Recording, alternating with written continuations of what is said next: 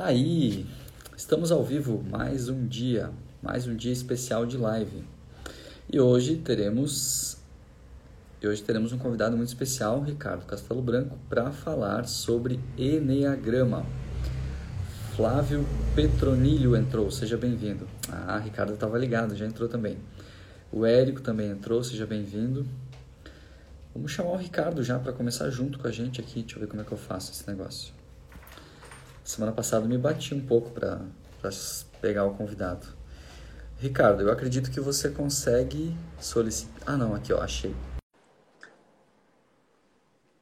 Pessoal, vocês que estão chegando agora, sejam muito bem-vindos. Já chamei o nosso convidado, Ricardo. Só esperando ele aceitar. Já aceitou? Já está aí? Tá, tudo certo. Boa noite. Muito bom. Ricardo, seja muito bem-vindo, cara. Obrigado pelo convite. Eu que agradeço a oportunidade de a gente bater um papo aí. Visto que eu entrei no horário, né? O tipo 7 que entrou no horário, viu? o pessoal que está assistindo agradece. Sim. Ô, Ricardo, que prazer, cara, ter você aqui. Nunca imaginei que nós faríamos uma live juntos. Até, até pouco tempo eu sempre só te acompanhava nos treinamentos e ficava lá te ouvindo te, e aprendendo com você, né? E tenho certeza que vou aprender ainda mais hoje no dia, no dia de hoje com o teu conhecimento, com o teu conteúdo, com a tua disponibilidade.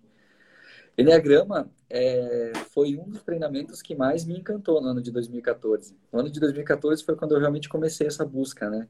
Fiz o Leader Training, fiz o PNL e fiz o Enneagrama. Lembro muito bem que esses três treinamentos foram os que mais me, me capturaram, assim, né? E a forma como você trouxe o Enneagrama também foi muito, muito boa, né? Ricardo, fica à vontade, quer se apresentar, quer falar um pouquinho?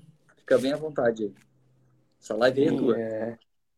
Cumprimentar as pessoas que estão entrando aí, boa noite a todos. É... E, e, dizer da minha alegria de ver o seu, seu processo de desenvolvimento, seu real interesse por ferramentas, por filosofias, Estou vendo que você tem falado muito sobre hipnose, sobre programação neurolinguística, é, o que mostra ou demonstra o seu sincero interesse em, desenvolver, ajudar as pessoas e se desenvolver também. Né? E, então, estou super à disposição das pessoas aí para as perguntas que tiverem, para as interações que tiverem, para a gente bater um, um papo produtivo, esclareça as dúvidas das pessoas e sempre com a intenção de gerar reflexões eu continuo focado em ajudar a gente a entender de gente, porque eu entendo que é fundamental para os diversos âmbitos da nossa vida colocarmos a nossa atenção para isso. Então, é muito frustrante quando a gente quer se comunicar com as pessoas e, e não somos bem percebidos pelo outro, né? Ou quando a gente sabe que quer ir para o próximo nível na carreira mas não sabe por onde começar no que diz respeito ao comportamento humano. E aí o Enneagrama se encaixa bem como uma luva para isso, né? E eu espero poder bater um papo interessante contigo hoje à noite. Legal.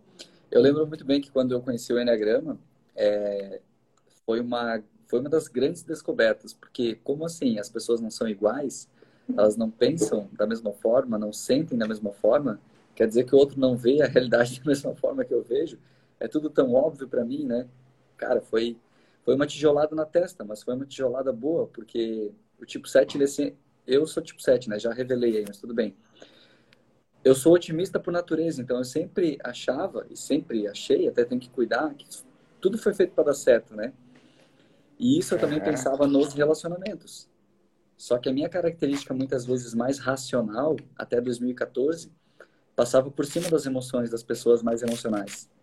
E eu obtinha resultados negativos em relacionamentos, obtinha resultados negativos em, em negociações. E muitas vezes eu não sabia por quê, porque para mim era óbvio que tudo foi feito para dar certo, como é que tá dando errado? E aí quando eu descobri é. o, o Enneagrama através de você, né, foi uma coisa de, nossa, que fantástico que é isso. E ali, né, parece que tudo vai abrindo, vai conectando. É fantástico esse conhecimento, né? Que ótimo te ouvir, porque eu acho muito curioso como é a experiência diferente para cada um, né? Então, uhum. tem pessoas que me falam assim: Pô, mas como que as pessoas são diferentes? Eu, como você falou, né? Eu achava que todo mundo era parecido comigo. E de repente me surpreendi com tantas diferenças. E tem pessoas que acontece ao contrário. Elas falam assim, poxa, eu não entendi, eu achava que eu era estranha, mas agora eu estou vendo que não. De fato, eu não tenho um defeito, eu tenho uma diferente característica. Então, percebe de uma outra forma, né?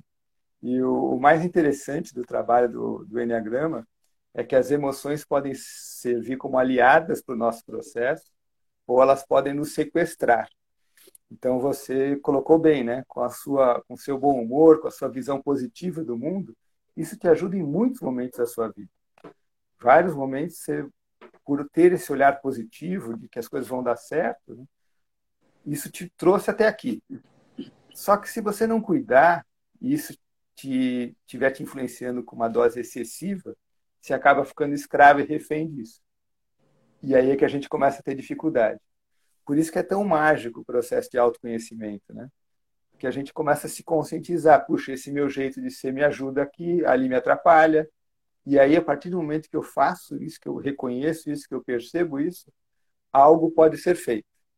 Enquanto eu não me dou conta disso, bem como você falou, você acha que todo mundo é assim e que vai dar certo. A gente fica tentando dar certo. Só que olha só, o Enneagrama fala de nove diferentes maneiras de dar certo, né? Sim. Então, imagina, né? se eu sou um, um, líder de um time e eu vou na agressividade, bom, funciona com um ou dois, mas talvez com seis ou sete não vai funcionar. Mas se eu também for muito amoroso, talvez funcione com um ou dois, mas com outros tantos não vai funcionar. E essa é a magia de a gente ampliar nossa visão. As pessoas pensam, sentem e agem de forma diferente. Ainda bem. É muito bom. Até, é, e é uma coisa interessante, porque é um curso, é um treinamento que a gente faz, é uma competência que a gente desenvolve para nós, mas é uma competência que ela precisa sempre estar ativa e a todo momento sendo usada, porque o nosso natural acaba, como você falou, acaba nos sequestrando muitas vezes, né? Então, por exemplo, assim, ó, eu fiz o treinamento faz seis anos. Eu uso esse conhecimento todos os dias, mas ainda assim em alguns momentos eu me vejo, caramba, fui sequestrado. Vou dar um exemplo. Hoje eu estava, tinha uma reunião é, sobre o grupo de corrida e era uma reunião extremamente técnica e tal. E aí eu comecei a fazer academia também, só que academia com outro objetivo. E aí aquele negócio dentro de mim eu me cobrando, né? Porque eu quero ser bom lá e eu quero ser bom aqui. E aí um tá concorrendo com o outro. E aí quando eu percebi que eu estava sofrendo com aquilo, porque eu queria ser bom nos dois, eu percebi, caraca, é a minha gula, né? Aí eu uhum. respirei, voltei e tá, beleza, tá tudo certo. Mas às vezes chega a ser intragável, assim, né? Porque eu tenho características de ser extremamente crítico, muitas vezes comigo mesmo, de me cobrar de fazer tudo. Eu não consigo ser bom em uma coisa, eu quero ser bom em tudo. E eu quero ser bom em tudo, e daí eu quero me especializar em tudo. Eu não, sabe? É, chega a ser, por exemplo, assim, ó, eu vou trabalhar com hipnose. Não basta eu saber de hipnose, eu vou querer saber tudo sobre hipnose. Não basta eu saber de enagrama, eu vou querer estudar tudo sobre enagrama. E daí chega uma hora que tu vê que isso é, é irreal, não é uma coisa possível, né? É uma coisa fora da realidade. Né? Ser bom em tudo não é muito comum, né, Dani? É como um atleta, né? Dificilmente o atleta vai ser o mais habilidoso, o mais forte, o que tem a cabeça melhor, né? um treinador ele tem que administrar isso. Tem atletas mais fortes, atletas mais habilidosos, atletas com uma cabeça boa, né? Uhum. Assim como normalmente a pessoa mais organizada não necessariamente é a mais criativa. E tá tudo bem, desde que a gente compreenda o que que, o que, que nos move, os nossos reais talentos, para que a gente use a nosso favor. Então esse exemplo que você deu é bem valioso, porque a gente sabe que não tem só coisa boa na vida. E a gente, às vezes, se esquece, quer fazer tudo, quer fazer tudo dar certo, quer se aprofundar em tudo. Né? E aí, no frigir dos ovos, de repente, passa o ano, você vê que começou um monte de coisas, se empolgou uhum. com um monte de coisas, e não necessariamente concluiu todas elas. Porque realmente é humanamente impossível, né? Uhum. É uma das coisas que eu mais fico prestando atenção hoje, assim. Eu preciso concluir aquilo. Preciso, sabe, fechar os ciclos. Porque para eu começar algo novo é muito fácil. Mas para eu finalizar, eu preciso colocar um pouco mais de atenção, porque não é algo uhum. natural para mim. O natural para mim é a iniciativa e não a acabativa. E quando eu conheci isso, aí eu me dei conta de quantas coisas eu tinha aberto e do que eu realmente precisava para ir fechando esses ciclos e tal. Então é um ponto de atenção até hoje, né? Para o meu, é, para minha personalidade, né? Para as características que eu que eu adoto. Ao mesmo tempo, o meu otimismo ele me permite olhar para tudo isso de uma forma leve. Então eu me cobro, mas eu consigo equilibrar isso no sentido de, tá, tá ok, beleza. Eu sou assim, ok, eu me aceito vou fazer o melhor que eu posso nesse sentido. Então, é legal ter esse conhecimento porque eu acredito que a gente diminui o estresse que nós mantemos dentro de nós mesmos quando a gente tem esse conhecimento do Enneagrama. E eu percebo que eu consigo administrar muitas vezes também, não sempre, mas o estresse do outro. Por perceber, não por perceber o tipo do outro, não por encaixar o outro num tipo, mas por perceber diferenças de comportamentos e de prioridades realmente para outra pessoa, né? Porque aquilo que é importante para mim, para o outro, pode ter um grau de importância menor. Então, administrar esse estresse e a forma como eu olho, como o outro olha e percebe essa realidade, é muito interessante, porque aí eu consigo. Eu acho que essa é a sacada, aliviar o estresse muitas vezes, porque diferentes percepções geram um nível de tensão diferente, né? É como uhum. eu querer tocar é, um projeto no meu ritmo, sabendo que eu tenho um jeitão para tocar e você, por exemplo, vai tocar o projeto junto comigo tem um outro jeitão, né? E se eu não souber disso, não administrar isso, as chances são que pode ter conflito e até o projeto pode dar, pode ter resultados não tão próximos daquilo que nós esperávamos, né? É, e essa é uma das coisas mais legais do trabalho com o Enneagrama, né? Ele nos permite ter compaixão pelo outro, porque daí eu respeito o movimento do outro, a frequência do outro, o jeito de ser do outro, né? E, e num trabalho, num grupo, a gente soma esforços. Então a gente começa a cooperar, eu te ajudo com alguma coisa, você me ajuda com outra e a gente segue um caminho saudável. Agora, se eu quiser que você seja como eu e você criar a expectativa de que eu vou ser como você, provavelmente as coisas não vão fluir, né? Então, imagina, né? É, é legal essa, essa coisa de respeitar o outro, né? Até quero falar sobre um pouco sobre relacionamento, e, mas eu queria que você me ajudasse com as pessoas ali que estão dando informações. Se eu não me engano, a, a Gracinha disse que ela é muito boazinha. Também é uma coisa legal, né? Às vezes a pessoa é agressiva demais, às vezes a pessoa é dócil demais. Né? Sim. Então eu lembro de uma pessoa que veio para o curso e falou que ela era, ela, ela era, ela veio para o curso para piorar, porque ela era muito boazinha, as pessoas passavam por cima dela, não respeitavam ela. Né? Eu achei curioso o jeito dela, mas é verdade. Ela era uma pessoa tão amorosa, tão amorosa, que as pessoas abusavam. Né? Mas então você me ajuda aí com, as, os comentários do pessoal, ajudo, por favor. eu não estava prestando poder... atenção, tem bastante comentário, né? Agora é, para gente, para daí você me faz as perguntas que o pessoal ou algum comentário que seja relevante, né? Mas eu queria falar sobre relacionamento, porque as pessoas me perguntam muito qual é o casal ideal, né? Aproveitando que você falou, se a gente está num projeto, a gente pode se ajudar, né? Com o relacionamento, com o casal ideal, é a mesma coisa. Sabe qual é o casal ideal do Enneagrama? É quando os dois, ou pelo menos um deles, está disposto a respeitar o outro, está disposto a entender o outro. Exatamente. Por que, que não dá certo a relação? Porque um quer que o outro seja como ele.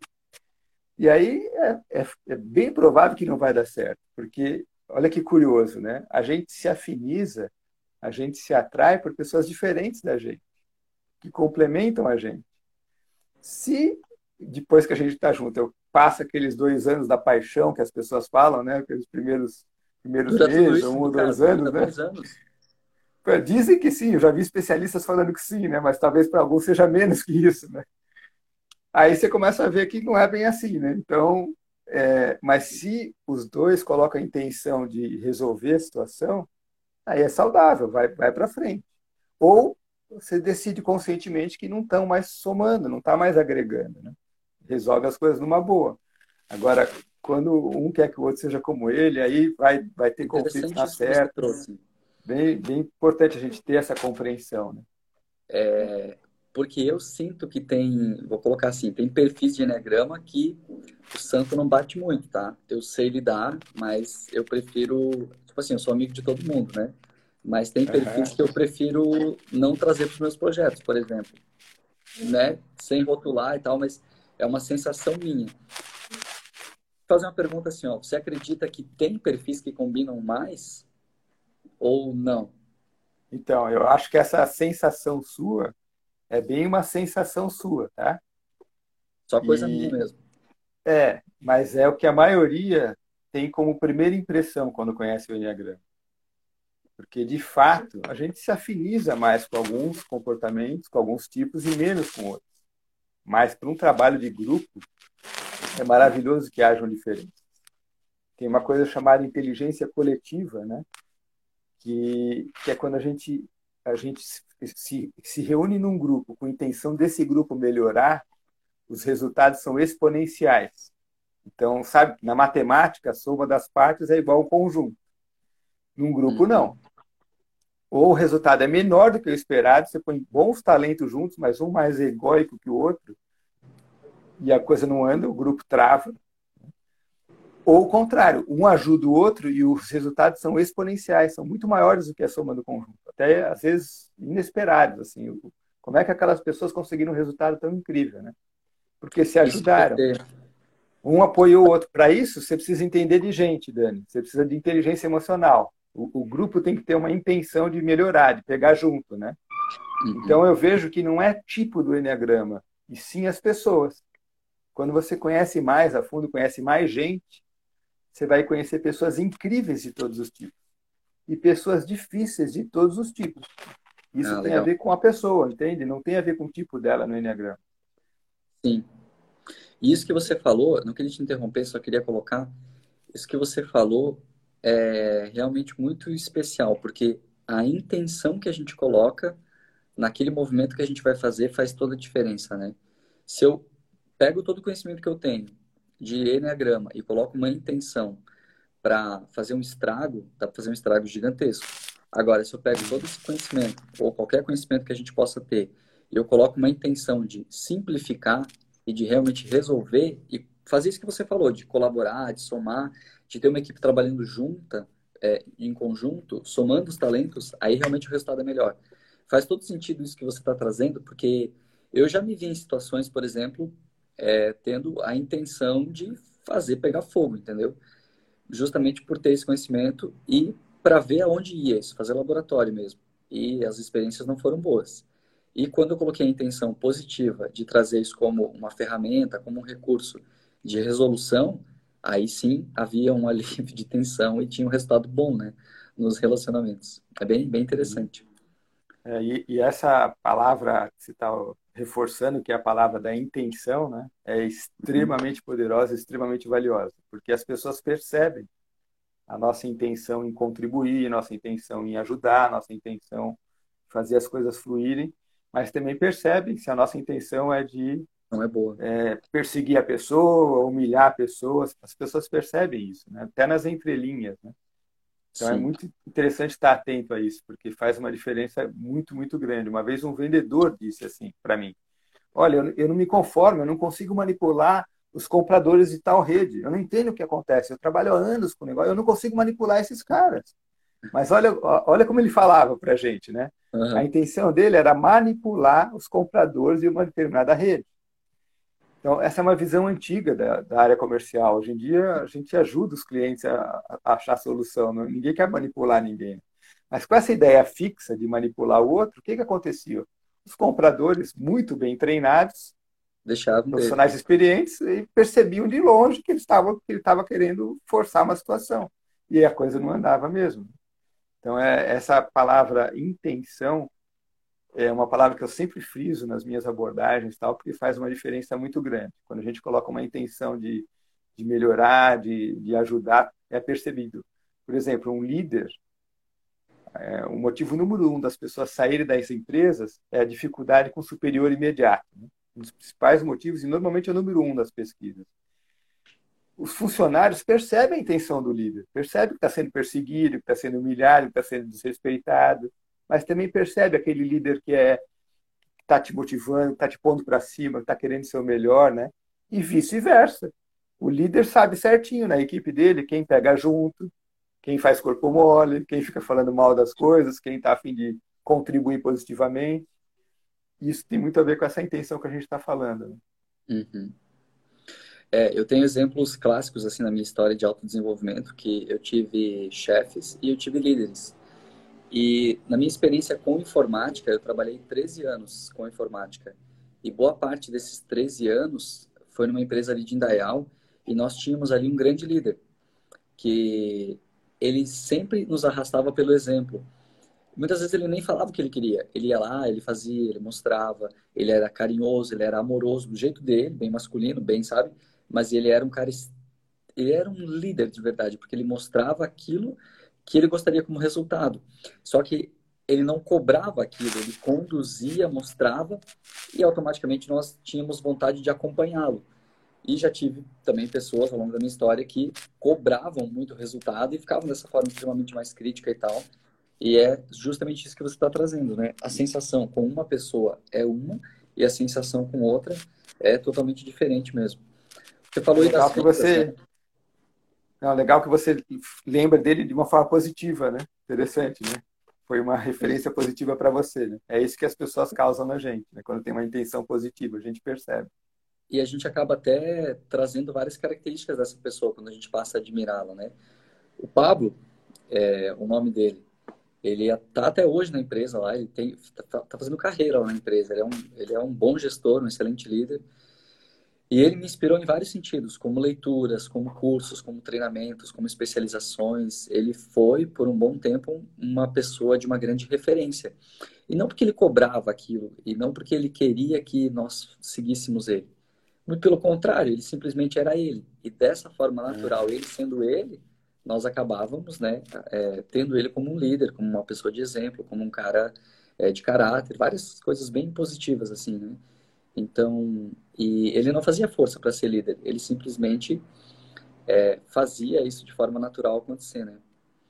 Esse, esse lance que você trouxe sobre as vendas é interessante, porque quando eu iniciei no ramo comercial, eu tive um, eu trabalhei no comercial também, né, de venda de treinamentos. E a primeira crença que eu tinha, a ideia fixa que eu tinha, é que a venda era um jogo no qual eu ganhava e quem estava é, comprando o produto perdia. E por muito tempo essa crença ela me derrubou em resultados, porque a minha intenção de vender era ganhar a venda, não era de, de realmente levar algo que fosse ajudar ou resolver um problema para outra pessoa. E teve um treinamento de vendas que eu participei logo 2014, 2015 que quebrou essa minha crença. E aí eu não conseguia mais fazer vendas se eu não estivesse ajudando as pessoas que tem a ver com o que você falou ali de daquele vendedor que não queria é, não queria manipular, né, entre aspas. Quando eu realmente entendi que a intenção era quando a gente faz uma venda é para ajudar alguém, ou seja, foi até mais fácil de vender, porque muitas vezes eu limitava os meus resultados de vendas justamente por esse jogo interno meu, né, de que eu quero ganhar, mas eu também não quero iludir, ficava um conflito assim, né? E quando eu percebi que a venda era um processo de, por exemplo, assim, ó, vou vender um treinamento de Enneagrama. É, eu sei que se eu vender um treinamento de Enneagrama que a pessoa for participar contigo, ela vai ter um resultado muito positivo. Tanto de conhecimento, como de autoconhecimento, como de transformação para a vida dela, transformação positiva nos relacionamentos dela. Então eu consigo fazer essa venda de forma tranquila. Mas isso foi uma coisa que virou lá atrás. Antes não era assim. Antes eu entendia uhum. que a venda era. É, o que eu via na venda era a comissão. Eu não via o problema sendo resolvido na vida da pessoa. É interessante quando a gente consegue amadurecer nesse sentido, porque fica mais fácil, inclusive, da gente tomar a atitude correta, né? De como fazer essas escolhas e essas, e essas decisões. É, hoje cada vez está mais claro isso, né, Dani? Eu, eu ouvi hoje cedo, estava conversando, estava numa reunião, estava um profissional de marketing do grupo NSC. Então ele estava dizendo que se você pega uma pequena empresa e quer vender para essa pessoa, vende um, um, um, horário na televisão, um horário nobre, faz uma campanha assim, o indivíduo vai ficar um ou dois meses e não vai ter resultado nenhum. Agora, se você vai com uma intenção de ajudar, começa com algo pequeno, com algo pontuado, aquela pessoa começa a ter resultado, daqui a pouco esse indivíduo está crescendo, ampliando seus negócios e eles têm cliente por vários anos, né? Isso acontece com todas as áreas. Os profissionais na área, na área de vendas não são diferentes. Eles têm que entender de gente também, tem que valorizar esse aspecto de colocar uma intenção de ajudar os outros. Para qualquer área da nossa vida, qualquer carreira que você for escolher, entender de gente é uma coisa importante. Inclusive, as pessoas das áreas técnicas me falam muito isso, que estudaram pouco sobre isso, deram pouca atenção para isso durante a formação, até porque nem estava no currículo isso. Né? E aí, quando vão, vão crescendo na carreira, começa a ver que, puxa, isso é fundamental, né? Tem que lidar bem com as pessoas. É interessante porque eu mudei até o meu processo de venda, porque pensa assim, minha cabeça pensando, né? É, eu sou bom no que eu faço, eu tenho esse produto, ele resolve. Eu pensava muito assim, ó, quer, quer não quer, tudo bem, beleza, vou vender para outro. Eu tinha muito esse pensamento. E aí, com o tempo, eu fui amadurecendo que a forma que eu percebo não é a forma que o outro percebe. Então, eu mudei, inclusive, minha estratégia de vendas. Primeiro, eu ofereço valor, ou seja, eu dou sessão cortesia, eu dou material de presente, sabe? Eu primeiro conquisto a pessoa, aí quando ela sente que gerou uma transformação na vida dela, aí eu realmente aproximo ela e faço a venda. É mais interessante isso, porque isso tem muito a ver com o meu, com a minha personalidade, né? A forma como eu penso até com o meu tipo de enneagrama mesmo, né? De, é, é, a minha forma de pensar, né? E através desse conhecimento eu consegui amadurecer um pouco esse meu processo de como fazer esse contato com a pessoa, né? É, esse é o processo mais atual, né, Dani, hoje. É, você faz um relacionamento, depois Sim. você vai fechar o um negócio se for oportuno, se for útil para todo mundo, né? Antigamente era, o negócio era vender, tirar pedido mesmo. É verdade é, o tirador de pedido já não existe mais, né? Pessoal, quem está assistindo a nossa live, só vou fazer um pedido aqui para eles. Desce o dedo no coraçãozinho, porque aí o, o algoritmo do Instagram ele espalha essa live para mais pessoas. É, também pedir para vocês ficarem bem à vontade, caso vocês tenham alguma dúvida, ou quiserem fazer alguma pergunta para o Ricardo, coloque nos comentários, a gente vai ler e vai respondendo as perguntas.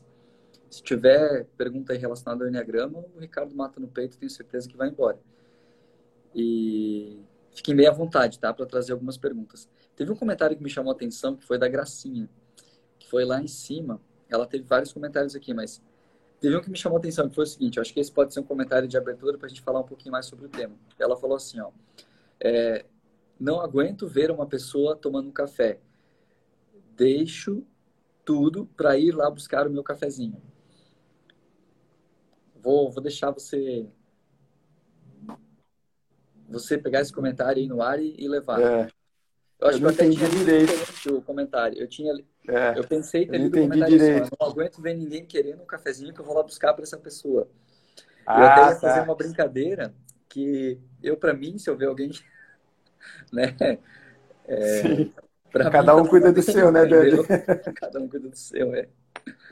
É, isso é a essência do meu trabalho com o Enneagrama, né? É, as pessoas são diferentes mesmo. Então, enquanto alguns estão mais focados em, em ajudar os outros, é automático. Tem pessoas que não é isso que chama atenção, não é, isso não é tão automático. O que é automático para ela é entender a realidade, por exemplo. Ele não está muito tão conectado com o outro. Isso é muito mágico nos grupos, né? Porque às vezes a pessoa fala assim: nossa, para mim, o ser humano é tudo, eu amo as pessoas. Aí o colega do lado fala, para mim é o contrário, não, não, precisava ter pessoa no mundo, né? Se tivesse só meu computador na minha frente, estava bom, porque eu, esse pessoal atrapalha muito a gente, né? E é verdade de cada um. Né? É interessante a gente compreender dessa forma, né? Não é que as pessoas estão estão uma querendo contrapor a outra, né? de fato está todo mundo tentando ser feliz. Só que eu acredito que eu vou ser feliz organizando as coisas. E o meu colega acredita que vai ser feliz ajudando os outros. E o outro acredita que vai ser feliz sendo mais tranquilo, evitando conflitos. É assim que vai dar certo. Não há nada mal com isso. As, os problemas acontecem Dani, quando a gente começa a ficar viciado nisso. Quando eu começo a agir assim com muita frequência. E aí eu fico escravo disso. Então, ser tranquilo, ser tolerante é legal. Ficar engolindo o saco o dia inteiro não dá, né? Vai te fazer Sim. mal. Então, ajudar as pessoas é uma coisa da natureza do ser humano. Só que se eu ajudo todo mundo e me prejudico, fico sempre em último plano, em algum momento isso vai me fazer mal. E assim sucessivamente. Né? É a régua, né? É, é, é a medida que faz a diferença, né? Tava, tava encerrando um processo de, de coaching essa semana, e aí na devolutiva que eu, eu sempre faço uma devolutiva no final para a pessoa, né? É, pego uma devolutiva dela também e também entrego uma devolutiva. E quando eu dei a devolutiva, aí a pessoa disse assim: Nossa, a maior chave do processo foi na tua devolutiva agora. Aí eu disse: Nossa, mas o que, que eu falei de tão mágico assim, né? porque, na verdade, o que eu tinha visto é que a grande transformação dela tinha sido durante o processo. Mas acontece que ela trabalha num setor em que ela faz a aprovação de crédito de quem vai comprar ou alugar determinados serviços ou produtos daquela empresa, e é ela quem tem, digamos assim, a caneta para dizer o sim ou para dizer o não para os vendedores, é, se eles podem ou não fechar aquele pedido, dar crédito ou não para determinadas empresas e, e tais situações. E aí ela trouxe o seguinte: nossa, tem vendedor que quando eu digo não, ele entende e está tudo certo. Eu mostro os argumentos lógicos para ele, ele entende que aquela pessoa não tem crédito e está tudo certo. Ele vira as costas e vai trabalhar. Uhum. E ela fica feliz com essa postura. E tem vendedor que chega a chorar na minha frente, onde já se viu pessoa chorar só porque eu disse que não podia aprovar o crédito. A empresa tem que ter consciência de aprovar ou não aprovar um crédito e tal. E ela falando assim, sabe, com, com força, com veemência, aquilo. E para ela, na percepção dela, as coisas são racionais, analíticas e a decisão é algo extremamente. É, o que é certo é certo, o que não é certo não é certo, e é aquilo, entendeu? Uhum. E ela tem vários é, vendedores na equipe dela que são extremamente emocionais e eles geralmente querem ajudar, olha só, geralmente querem ajudar as pessoas que estão ali na hora de fazer a compra e tal. Tá, mas como é que eu vou deixar ele sem aquele produto, sem aquele serviço? É nosso cliente há tanto tempo, então eu não posso deixar ele na mão. E também a percepção de tipo assim, ah, mas a minha família, eu preciso bater a meta e tal. E quando eu trouxe essa, eu nem entrei muito no Enneagrama, só trouxe a percepção dela de para ela sobre é, pessoas mais racionais e pessoas mais emocionais, sem entrar muito ali nos nos tipos de Enneagrama e tal. Só isso, para ela, ela já ficou assim, nossa, quer dizer que... Mas, claro, faz todo sentido. Ele é bem mais emocional e eu que sou racional. Uhum. Dá uma, uma comentada sobre isso aí, vai lá. É, isso tem tudo a ver, porque é aquilo que eu estava dizendo, né? A gente quer ser feliz. Só que a gente se frustra na relação, porque para mim é óbvio que esse é o jeito. Eu só falei. E para o outro é óbvio que não. Tem outro jeito, tem outra forma de falar. E, e essa, essa expectativa e frustração acontece a quase todo momento. Embora todo mundo está tentando acertar, mas às vezes é difícil perceber pela lente do outro. Uma vez eu estava numa empresa, Dani, e era um empresário muito forte, muito poderoso, assim, e eles, eles estavam cotando para fazer um curso sobre feedback, como dar feedback e tal para os líderes, né?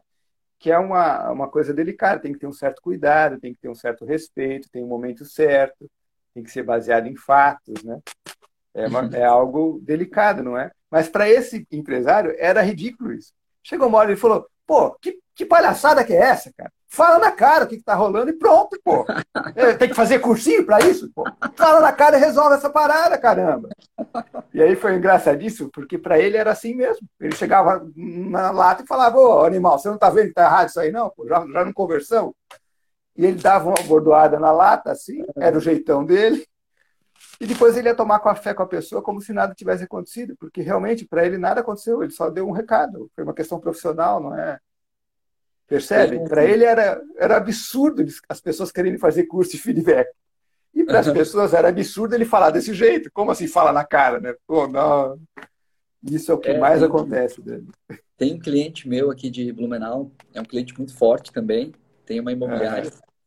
E esses dias ele me chamou, a gente estava tomando café e disse, cara, o que, que eu faço? Às vezes eu estou só conversando com as pessoas e as pessoas começam a chorar na reunião eu nem ofendi ninguém, eu só estava falando normal e a pessoa já começa a chorar na minha frente, eu não sei o que eu faço, não sei o que eu estou fazendo de errado. E uhum. bem parecido com esses traços que você é. trouxe desse, uhum. desse, perfil aí. Uma vez eu, eu perguntei para o indivíduo, as pessoas te respeitam ou têm medo de você? E ele falou as duas coisas. Por isso que eu estou aqui no teu curso, cara. Porque tem gente que me respeita, me admira, e tem gente que tem pavor da minha presença. Quando eu chego, a pessoa começa a rezar. Ou ele vai para o banheiro, né? Porque não quer nem ver minha presença. Ó, isso é legal, tá? Você começa a perceber o estrago que faz. É força desproporcional. Ou você começa a perceber que você tem é, qualidades, você consegue motivar as pessoas, que a sua presença estimula as pessoas. Então é muito interessante um líder que é um tirano e percebe que ele está desestruturando as pessoas e ele coloca uma intenção de ser uma pessoa melhor, de, de motivar as pessoas a serem melhores também. E aí esse indivíduo passa a ser admirado pela equipe. vezes as pessoas terem medo dele, têm admiração por ter um líder forte, com uma intenção positiva para que as coisas se resolvam. Né? Hoje em dia, então, cada vez mais a gente quer pessoas transparentes, pessoas que põem a gente para frente, que colocam uma intenção de resolver. Né? É essa pessoa que a gente quer do nosso lado. Né? Legal. Ricardo, quando a gente faz a seguinte pergunta, tem alguém que colocou um comentário aí. Eu já fui assim, é. já fiz curso de Enneagrama, mas a mudança começou com a Yoga e hoje com o fundamento de Axis mudei completamente. Ah, legal. Legal. É, o processo de, de autoconhecimento e de evolução é um processo, eu acredito que é um processo de amadurecimento de cada pessoa, né? A gente vai somando peças que vão formando um quebra-cabeças. Um quebra-cabeças que está desmontado na nossa percepção de realidade, né? E conforme a gente vai montando essas peças, eu acho que essa nossa percepção vai ficando mais clara, as coisas vão começando a fazer mais sentido e tudo começa a ficar mais simples, né? Eu digo assim, ó, que o autoconhecimento, ele é tanto uma bênção quanto uma maldição, porque no primeiro momento ele pode até se apresentar como uma maldição, como uma dor, mas geralmente essa dor, ela vem para curar alguma coisa. É, eu, perce eu percebo e lembro de várias coisas que eu entrei em contato que não foram boas através do autoconhecimento mas elas foram libertadoras, porque elas me permitiram eu aprimorar essa forma, ou seja, amadurecer mesmo essa forma como eu vejo, como eu percebo a realidade, as pessoas, os relacionamentos, os projetos e até mesmo a vida, né? Porque principalmente essa essa questão da vida. Por muito tempo eu sempre estive ligado é, no curto prazo, sempre estive ligado, eu sempre prestava atenção, tá? Mas é, qual é o prazer que eu quero ter hoje? Qual é a aventura que eu quero ter hoje? O que, que de bom eu posso aproveitar da vida hoje? E, na verdade, o tempo vai passando, claro, ainda sou novo, né? Tenho 28 anos, mas já me pega um pouco mais essa questão, tá, mas e o longo prazo, né? O que, que vem por aí nessa minha percepção? O que, que eu vou construir? O que, que eu vou fazer? O que, que eu estou fazendo hoje? Essa questão de pensar no longo prazo é uma coisa que cada vez mais ela está presente na minha vida. E por muito tempo isso não foi assim, né? Então eu acredito que o autoconhecimento ele é sim uma dor, mas ele também é um prazer, porque ele te permite você amadurecer nesse sentido e tomar decisões mais conscientes, tanto para ter melhores relacionamentos, como para ter melhores resultados na própria vida. E o Enneagrama foi uma, uma das peças do quebra-cabeça fundamentais, porque ele me fez entender tanto a forma como eu opero, tanto como eu trabalho, como também o outro ele se relaciona comigo e com a realidade dele e com os outros. Isso permite ir encaixando melhor essas coisas, né? Faz sentido isso que, eu, que eu te falei? Sim, muito legal o que você falou, Dani. Até quero aproveitar e, e falar de uma coisa a respeito disso e aproveitar o comentário da Thaís também, ou da Thay. Ou Thaís. É, e hoje, é, começou aqui em Joinville é, a Expo Gestão, que é um congresso de gestão bastante renomado, e esse ano, pela primeira vez, está sendo no formato digital. É a 18ª edição, pela primeira vez no formato digital. E perguntaram para um palestrante internacional se ele era otimista com relação ao futuro, em relação à pandemia e tal. Ele falou, olha, eu estou vendo muita dor e sofrimento.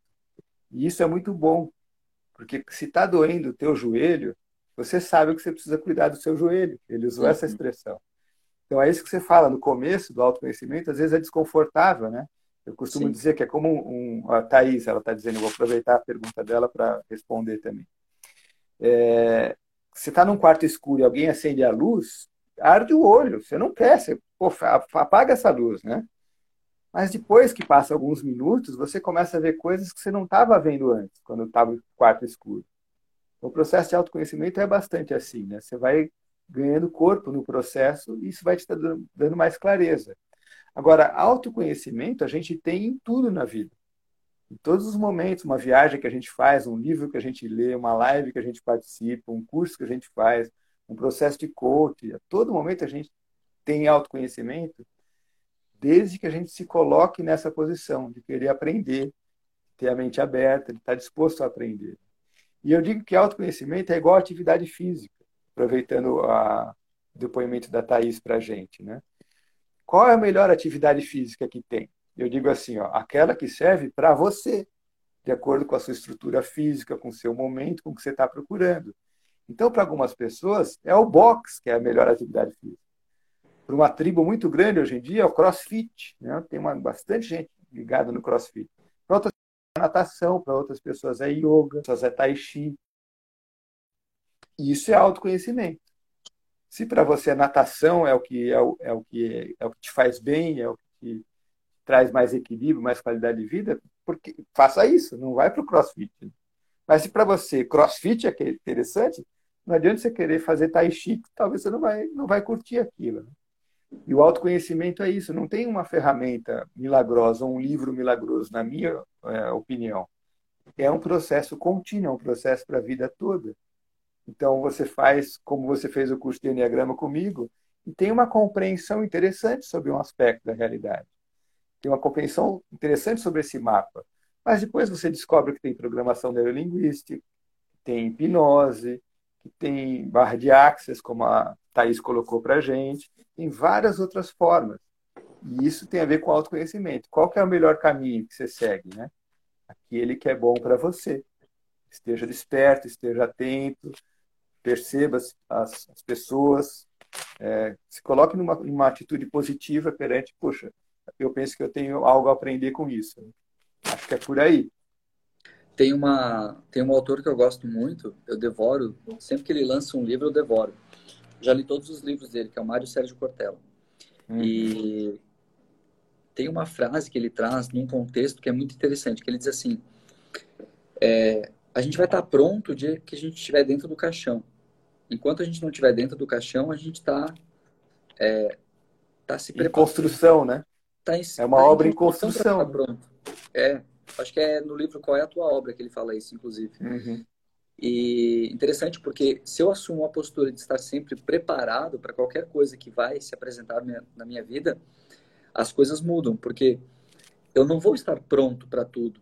Eu só vou estar pronto quando eu amadurecer tudo que eu tenho para amadurecer, ou seja, quando eu estiver pronto para morrer, aí eu vou estar pronto realmente. Mas se eu me posiciono como preparado para qualquer desafio, para qualquer coisa que se apresente na minha vida, é, para qualquer relacionamento, para qualquer coisa, se eu me colocar como preparado com essa intenção de aprender, com essa intenção de me aperfeiçoar, de me conhecer, de conhecer o outro, com a intenção de acertar, não tem por que dar errado, né? Até um dos pressupostos da PNL traz que não há essa coisa chamada fracasso, há somente resultado. Então, uhum. ou eu tenho um resultado positivo, ou seja, ou eu ganho, ou no lugar de perder, eu estou aprendendo, ou seja, eu estou me preparando para me amadurecer cada vez mais, para me tornar um ser humano melhor, para mim, para os outros. E aí dessa forma, sim, eu estou realmente me construindo como ser humano, né? Então faz todo sentido isso que tu trouxe. Independentemente de qual a arte que a gente busca, é, o estilo de autoconhecimento, independentemente do estilo de atividade física, é, o importante é sempre nós estarmos em movimento, porque a vida é movimento. E quanto mais nós nos movimentamos, mais as coisas vão se encaixando e vão fazendo sentido. Pelo menos para mim, na minha percepção Sim. da realidade, é assim que, que eu me sinto bem. Bem legal. Tô vendo que tem gente entrando ainda. Cleide, Sheila, bem-vindas. E eu gosto também do Mário Sérgio Cortella, filósofo, professor, né? E ele me fez, você citando ele, me fez lembrar uma outra coisa que eu considero importante eu realmente não acredito que você vai desenvolver muito seu autoconhecimento fazendo testezinho na internet e vendo videozinho de dois minutos. Eu penso que precisa se interessar um pouco mais, colocar uma intenção de, de realmente aprender e se desenvolver. Né? E o, o Mário Sérgio Cortella, ele é um professor universitário, muitos anos de escola, e ele uma vez disse assim: um bom professor precisa de mais de 20 anos de carreira para se tornar excelente no que, no que ele faz. Então, ele diz que até os 10 anos o professor tem uma atitude mais mecânica na sala de aula. Né? Ele, ele ensina de uma forma mais mecânica. De 10 para 20 anos de carreira, aí ele já tem uma, uma noção muito clara do que ele está ensinando. Então, ele já tem um outro ganho, já é um outro nível. Agora, depois de 20 anos de carreira, o professor fala aquilo que os alunos precisam ouvir. E isso é mágico, né? Não dá para você, de um ano para outro, querer se, se tornar uma, uma referência no mundo, assim, da noite por dia, assim, vendo videozinho de dois minutos, né? Precisa colocar uma intenção de todo dia aprender, aprimorar, errar, acertar e assim, com o passar do tempo, os programas começam a ficar mais intuitivos. Isso faz diferença também, né? Você pega um profissional que lê um livro e ele resolve fazer uma formação daquele determinado assunto, ele não tem muita condição de fazer. Né? Tem muita gente que faz um curso de coach de final de semana e se diz coach, mas ele não passou, ele não passou pela experiência assim, né? Ele não passou por uma jornada, ele teve uma ideia daquilo. É diferente. Você faz um curso de oratória no final de semana, não quer dizer que você pode dar aula de oratória para todo mundo. Você apenas teve uma experiência com aquilo. Para se tornar professor demora um pouquinho ainda, né? Tem que treinar um pouco mais, né? Mas as pessoas querem o atalho, né? Agora, quando você fica mais tempo e está se dedicando, está estudando, aí o processo fica mais intuitivo. E, e, aí é gostoso de você fazer qualquer tipo de formação. Com profissionais que deixam o processo mais intuitivo, que tem uma mente mais aberta, e faz as coisas fluírem, né? Porque um bom professor, um bom líder coloca óleo na engrenagem. E um professor ruim, um líder ruim, coloca areia na engrenagem. Fica com raiva daquela disciplina, né? Ou não quer estar naquele lugar, né? Não é que aquilo é bom ou ruim, é que não foi bem conduzido, né? É, e não tem como negar, né? Quanto mais é, é uma coisa que não tem como competir, né? Quanto maior a experiência da pessoa é inevitável, ela vai ter mais, mais resultado, mais, é, ela vai ser mais safra, vai, vai ser mais fácil ela, ela trabalhar as coisas. Quantos anos tem de experiência com o Enneagrama? Eu conheci em 1999 e comecei a trabalhar com o Enneagrama em 2001. Então, esse ano fez 19 anos que eu tenho dedicado a minha atenção para o Enneagrama, praticamente a maior parte do tempo, né? E, e, você vê como a gente aprende sempre, né, Dani? Eu tinha negligenciado o mundo digital. E esse ano, eu agora os meus cursos são todos no formato digital. Então, a gente aprende sempre, a gente está sempre buscando formas de fazer diferente, fazer melhor. Né? Agora, o, a, essa jornada que eu passei pelas minhas próprias dificuldades, isso não dá para a pessoa ler um livro e, e querer ser, e você precisa passar pela sua experiência. Né? A sua experiência, por exemplo, é diferente. Você fez várias outras formações, tem uma outra perspectiva, né? E é até curioso, às vezes a gente fica comparando uma pessoa com a outra, é uma coisa quase absurda, porque como é que você vai comparar um indivíduo com outro, né? Com outras crenças, com outros valores, com outra experiência de vida, com outra história. É, cada um contribui com aquilo que, que cabe, né? E, e eu sempre coloco uma intenção de contribuir positivamente as, com as pessoas que me procuram, né? que chegam até mim de alguma forma. Sim. É interessante isso que você falou da comparação, porque meu, isso foi uma dor para mim, é até hoje assim. Eu tenho que cuidar para não ficar me comparando, porque uhum. é, não tem como tu comparar, né? Porque a história de cada pessoa é muito única. Então, uma pessoa com um ano a mais de experiência na área já é muito mais tempo uma pessoa com 20 anos a mais já é muito mais tempo. É, ou uma pessoa, enfim, não é nem tanto pelo tempo, mas justamente por isso que você falou, né? Por cada situação que a pessoa vive.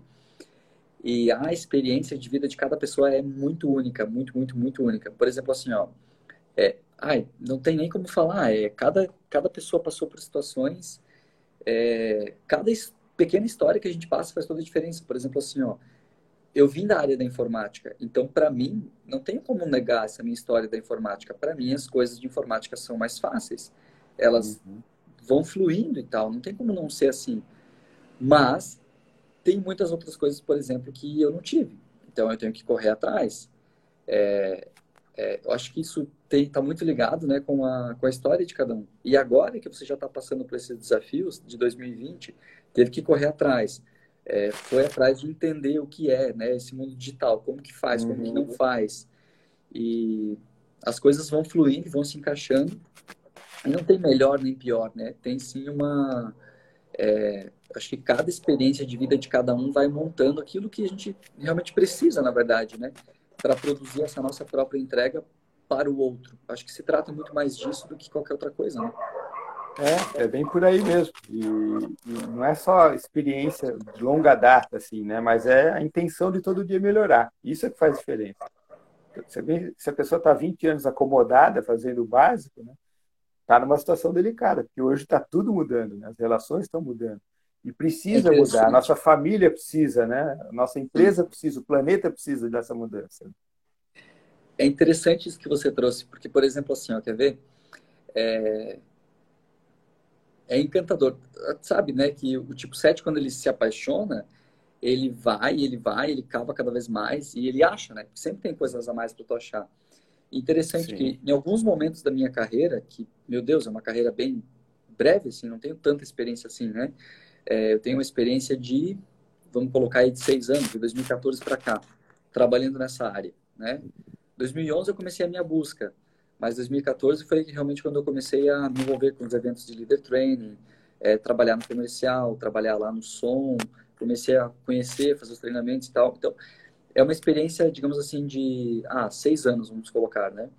Mas interessante que, por exemplo, assim, ó, no começo desse ano eu tinha a sensação, é até uma sensação prepotente, assim, mas eu tinha a sensação de que eu sabia muito.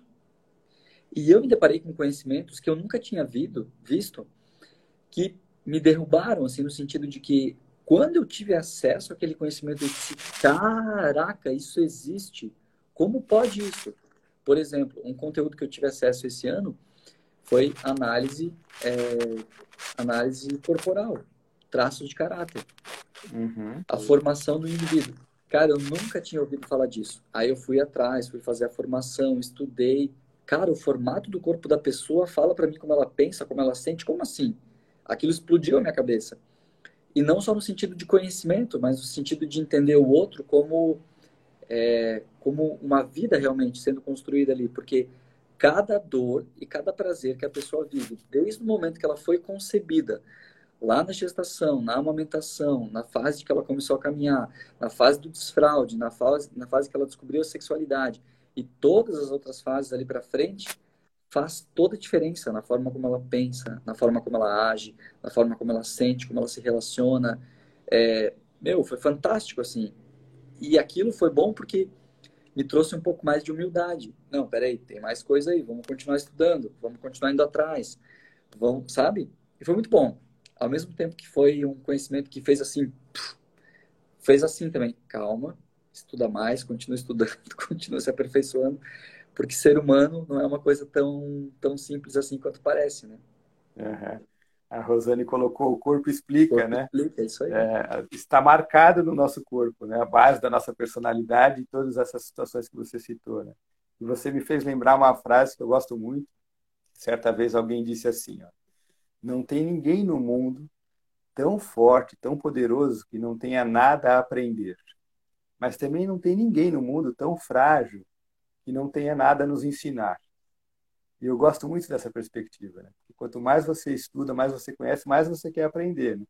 Então, quando as pessoas se acham mais do que os outros, ou menos do que os outros, é porque ainda não entenderam alguma coisa. Porque a gente não é mais do que ninguém, nem menos do que ninguém. A gente é apenas uma pessoa diferente. E eu queria aproveitar e te dar uma dica, Dani, porque você falou algumas vezes da sua formação em informática, né? E isso vai servir para a tua vida, pode ter certeza, tá? Porque eu, a minha formação de base é economia. E uma coisa que eu aprendi no primeiro ano da faculdade de economia é que a, que a, que a economia é cíclica. Há momentos de expansão, de estabilidade, de contração. É natural que seja assim. E quanto maior o tombo, maior o crescimento nos, nos anos seguintes. E a nossa vida é assim. A gente está vendo agora como as coisas são cíclicas, né? Um negócio, de uma hora para outra, deixa de existir, né? Nossa saúde, a gente tem que estar atento a isso. E, e, eu lembro que Steve Jobs fez curso de datilografia. Vocês, a maioria das pessoas não sabe disso. Mas ele, ele tem um artigo que ele cita isso, que isso ajudou ele ao, ao ser minucioso na escolha das, das, das, das tipografias que vão nos que é no, no Mac e tal, né? Ajudou ele lá na frente, na, na Apple, muitos anos depois. Então, certamente a sua experiência com informática é sua, é uma coisa que tem a ver com você e que, se em algum momento, vai fazer conexões é. com o seu trabalho atual no que diz respeito a desenvolvimento humano e etc. Né? Daria até para filosofar um pouco sobre isso, né? É, não vou nem entrar muito nessa vibe, mas daria para filosofar um pouco de tem um pressuposto que resume bem isso, né? Que é o pressuposto positivo da PNL, ele que tudo acontece por uma razão e um fim, e isso me serve. Isso. E que eu comecei, meu primeiro emprego foi aos 12 anos, lavando caixas de supermercado, caixa de levar rancho. E aí eu descobri, uhum. agora, recentemente, depois de meu pai ter falecido, que quem pagava o meu salário era meu pai. Ou seja, é... claro, não era para eu estar lá lavando caixa de supermercado, mas o que, que ele queria me ensinar? Ele queria me ensinar o valor do trabalho, de estar ali envolvido, uhum. de estar prestando um serviço.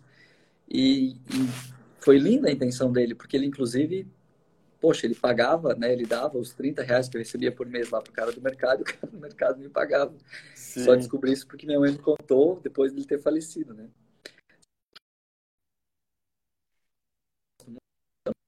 do treinamento. Se não foi no teu, foi no Leader Training 2, não me lembro agora, mas que é, quando a gente usa o autoconhecimento para dominar o outro, ele é muito forte. Mas quando a gente usa o autoconhecimento para dominar a nós mesmos, ele é muito mais poderoso. Tem até um autor famoso que fala essa frase, não lembro de quem é agora. Não é minha essa frase, tá? Uhum. Mas é de algum uhum. é de alguma pessoa famosa aí. Acho que é até de um imperador. E eu acho que é justamente isso. Quando eu uso o autoconhecimento para dominar os meus vícios de comportamento, que o Enneagrama fala muito disso, né? Fala muito dos vícios de comportamento, eu me torno muito mais forte no sentido de não de ter mais poder, mas no sentido de ter mais poder sobre mim mesmo, né? Eu queria que você falasse um pouquinho mais, Ricardo, é, do que é essa do que é esse Enneagrama, né? Porque o Enneagrama, na verdade, é algo milenar, não é?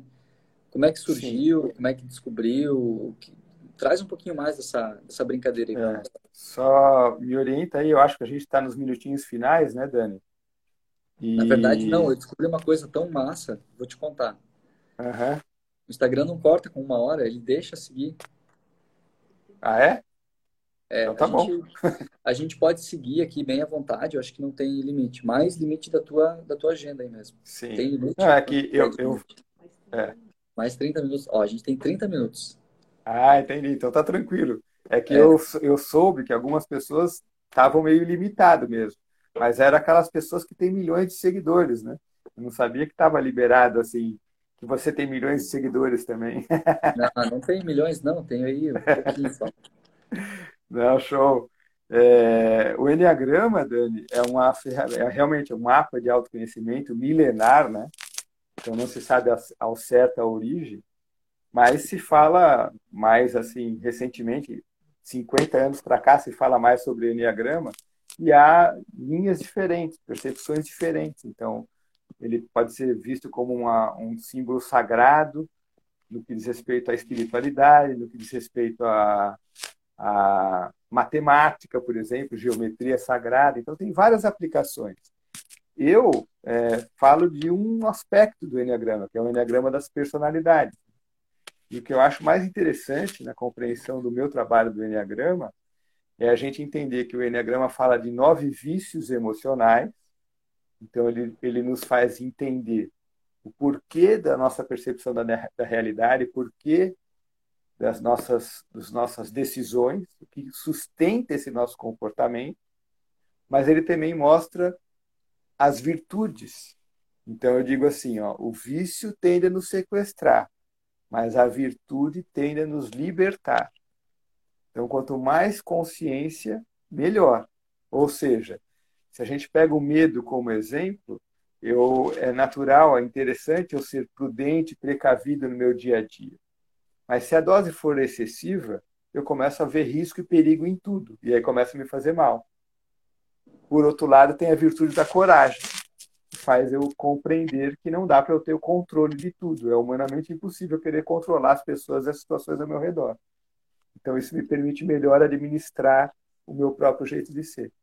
E aí, como ganho no pacote, na abordagem, né, vem a questão de eu entender isso no outro também é muito mágico quando a gente percebe o outro. Né? Por que, que a pessoa é tão reservada desse jeito?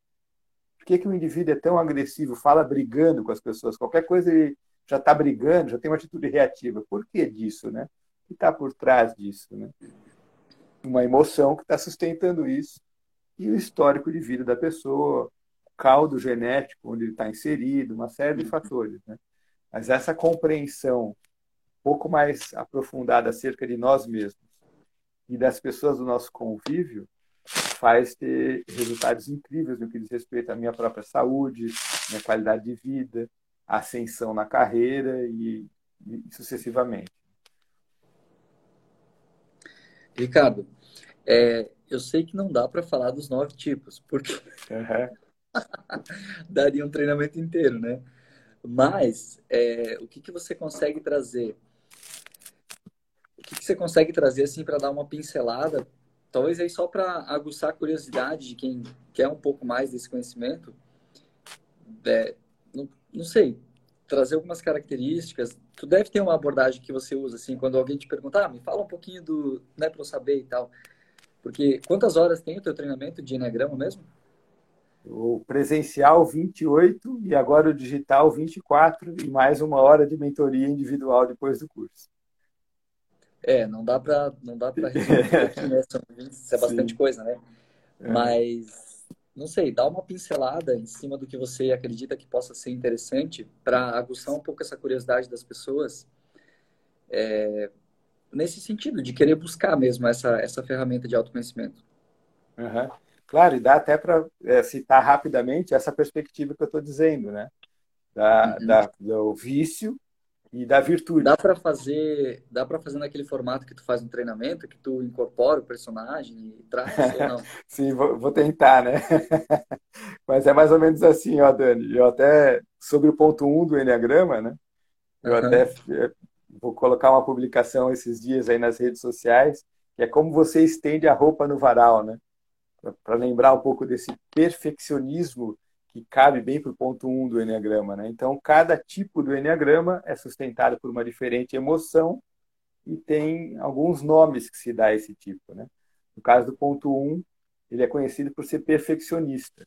Então, são pessoas disciplinadas, que têm persistência, tenacidade. Né? E, e, a raiva que sustenta esse padrão tem uma coisa de, de rigidez, assim, né? de, pô, eu estou fazendo a minha parte, você tem que fazer a sua. Né? Então, esse até um certo ponto é muito interessante, porque traz qualidade, traz disciplina, a pessoa não vai te, se comprometer contigo e esquecer, ele vai cumprir, porque eles são muito exigentes. Só que, por exemplo, eu sou organizado, eu coloco as roupas em ordem no varal, mas tem que ser milimétrico, e aí aquilo de repente começa a me fazer mal, começa a ter manias, começa a ter toque, por exemplo, transtorno obsessivo compulsivo, né? Ou se não tiver milimétrico eu não consigo dormir, aí me faz mal. Mas o bacana é que, além desse vício, existe a virtude. Que no caso do ponto um, identificou aí já. É, o pessoal já começa a né, lembrar das coisas. É, no caso do ponto 1, um, é a serenidade. Então, a base da raiva é o julgamento, mas eu posso exercitar a serenidade para aceitar que a perfeição está no, no, que, no que é. é. é. perfeito como é. Não precisa ser como eu gostaria que fosse. Né? Então, é, dá para a gente fazer esse contraponto com certeza. Né? No caso do ponto 2 do Enneagrama, por exemplo, aí a gente tem uma outra perspectiva. São pessoas que gostam de ajudar os outros, são solícitos, são prestativos, são muito dinâmicos no sentido de ajudar as pessoas, né? e facilmente eles acabam ajudando mais os outros e se colocando em segundo plano. E aí, nessa, nessa ânsia de querer ajudar, né, eu passo, por vezes, a me meter com coisas que não deveria, ou impedir a pessoa de aprender com aquele processo. Impedir a pessoa de se virar, de ter algum aprendizado com aquela história. Porque eu vou lá e ajudo antes da pessoa me pedir ajuda. Aí começa a fazer mal, começa a ter dificuldades. Mas tem uma virtude correspondente ao orgulho, que é a virtude da humildade, que me permite reconhecer que, poxa, eu posso ajudar todo mundo, mas eu também preciso de ajuda em alguns momentos e nem todo mundo vai estar disposto a, a, nem todo mundo vai querer minha ajuda nesse momento. Faz parte do processo. Né? Mas se é vício, se é muito forte, eu vou querer ajudar de qualquer forma, a pessoa me pedindo ajuda ou não. Tá fazendo sentido esse contraponto que eu estou trazendo, Dani, para você? você? Muito, bastante Legal. sentido. E eu acho que é de forma bem simplificada, as pessoas vão, as pessoas vão conseguir Isso. pegar bem simples. Pode, pode Isso. continuar. Eu estou até prestando atenção fa... para revisar tudo. Uhum. Claro, e porque de fato o que eu costumo dizer para as pessoas, você não tem que saber o seu tipo desesperadamente, ficar agoniado para isso, né? Mas ah, tem que saber meu número do enneagrama. O que você tem que saber é lidar melhor com você, respeitar o seu jeito de ser, se perdoar, perdoar os outros, respeitar os outros. É isso que faz diferença. Então, quando eu, trago esses contrapontos, faz as pessoas refletirem, né? Por exemplo, no ponto 3, que a gente tem a vaidade, são indivíduos muito focados em resultados, eles buscam admiração, então eles querem é, o próximo passo, a próxima meta, o próximo alvo, que é interessante porque traz eficiência para o processo, faz as pessoas é, põe a equipe para cima, sabe motivar as pessoas, são ótimos na comunicação. Então é legal você ter uma pessoa que se comunica bem, que está buscando em, em, eficiência, em desempenho, né? Só que se a dose for excessiva, o indivíduo começa a ficar plástico, formal, ele começa a achar que mais vale a embalagem do que o conteúdo. Aí ele começa a ter dificuldade, porque as pessoas percebem que ele está sendo formal demais, que ele está sendo plástico demais. Tem gente que até fala, e o fulano falou, putz, cara, divide por dois aí, porque esse aí é, é garganta demais. Né? Pessoa começa a ficar demais da conta. Mas existe uma, uma virtude correspondente, que é a da sinceridade. Então, é muito comum a pessoa do tipo 3 dizer sim para os outros e não para ele mesmo. Porque a preocupação com a imagem começa a ser de tal grau que ele começa a fazer coisas que dão impacto mesmo que não seja o que ele queira. Por isso que a, a virtude da sinceridade consigo mesmo é tão valiosa para esse ponto, como contraponto à, à vaidade do Enneagrama. E é válido o combinado de essa pessoa também ser sincera com os outros? Sim. Ou, a, ou é mais com ela mesma? Também sempre é válido né, ser sincero com os outros também, mas nesse caso particular e, e no geral nas virtudes como um todo, Dani, é importante que o movimento seja interno, né, seja interior. Então, eu preciso é, colocar essa intenção de me melhorar. E aí sim os resultados ao redor são, são diferentes. Né? E, é, e esse é um contraponto importante do vício e da virtude, porque como eu falo, o vício nos sequestra e a virtude nos liberta. Então, imagina, se você é pai, se você é líder, se você é gestor, se você é um profissional, um empresário, você tem condições de ser muito melhor se você estiver colocando a sua intenção nas virtudes e não nos vícios. Né? Por exemplo, no ponto 4 do Enneagrama, a gente tem é, a questão da comparação. É muito forte esse gostinho amargo, sabe? Putz, por que, que o Dani consegue fazer, improvisar lá e faz uma palestra legal e eu não consigo? Né? Pô, como é que ele consegue ter, ter uma argumentação tão boa e eu não consigo ter uma argumentação? Então vem uma perspectiva de que sempre falta alguma coisa para mim. Isso pode fazer com que eu queira mudar as coisas, pode ser muito interessante, mas pode fazer eu ficar chateado, ficar, putz, só comigo que é, é assim, né? Então, é um indivíduo que reconhece maior flutuação de humor e tal, né? É, e, e, é muito difícil você lidar com uma pessoa que muda de humor de um minuto para outro, né? Não é de um dia para o outro, né? De um minuto para outro. Ou tem uma hipersensibilidade, né? Qualquer coisa. A pessoa que está aqui tá comigo, tá chateada. A pessoa que está aqui identificou comigo, a, a Najara, ela, na verdade, ela identificou a nossa colega de equipe. Ela ah, tá. Assim, Ai, meu Deus. então, mas se essa pessoa está consciente disso, que essa, que essa comparação em excesso, esse gostinho amargo está muito presente, né? Comigo sempre putz, sempre os outros é que são melhores, né? Tiveram melhores condições. Aí ela pode exercitar a virtude da equanimidade, Sim. que é lidar com maior equilíbrio, lidar com maior com, com maior equilíbrio no que diz respeito a essa, essa animosidade, essa flutuação de humor, né? Inclusive na PNL se fala muito bem disso, né? De, de você se dissociar da cena e ver de fora, né? Então, as pessoas que exercem a equanimidade podem, por exemplo, conseguir fazer isso, né? Que é, significa o que na prática, né, Dani? Eu acordei chateado hoje, mas, cara, não é que as pessoas não me amam, não é que eu estou na empresa errada, no planeta errado, não é que o mundo está contra mim. Né? Poxa, eu sou um ser humano, acordei chateado, teve alguma coisa que não foi legal, mas não é que está todo mundo contra mim. Né? Isso significa lidar com maior equilíbrio com as minhas frustrações, com as minhas oscilações de humor. Agora, por outro lado, o ponto 5 do Enneagrama, ele tem como, como perspectiva principal a avareza, no sentido não de guardar dinheiro, né? mas de conter-se, de refrear-se. Então, são aquelas pessoas apáticas, sabe, Dani? Ele diz: Nossa, estou extremamente empolgada com a nossa conversa, muito feliz com o seu convite. A nossa conversa está muito eu, interessante hoje. É, inclusive, há muito tempo que eu não me divertia tanto como eu estou me divertindo agora. Mas não parece, né? Porque a pessoa está demonstrando outra coisa. A prática, né? Isso, porque ele, o que importa para ele é compreender racionalmente as coisas, ele quer entender racionalmente, o que faz Sim. deles muito inteligentes no, no, ponto de vista dessa, dessa inteligência intelectual, né? essa inteligência Sim. acadêmica, essa inteligência racional. Mas nós sabemos que hoje em dia tem inteligência musical, espacial, é, emocional, por exemplo. Então, esses indivíduos são muito bons na estratégia, na análise, são bons em estudar a fundo as questões, que é muito valioso. Então, cientistas, por exemplo. Excelentes jogadores de poker. Isso, o jogador de xadrez, né, por exemplo, né? Então é uma contribuição muito valiosa deles. Né? Agora, se a dose for excessiva, o indivíduo se esconde do mundo, se reserva, não se manifesta e as pessoas ficam pisando em ovos, porque não sabe se ele está gostando ou não, porque ele não manifesta. Né? Por outro lado, a virtude é, correspondente que serve como antídoto para esse vício é o, da, é o do desapego. Desapego no sentido de desapegar-se da cabeça, da razão, da análise, para conseguir estar presente, para conseguir estar vibrando positivamente. Tá? Tem tipo 5 que falam que o corpo é mero meio de locomoção da cabeça, por exemplo. Então, ele só fica no âmbito racional e analítico. Né? E ao passo que se eu consigo me desapegar um pouco da mente, eu consigo chorar quando tem que chorar, sorrir quando tem que sorrir, me manifestar, né?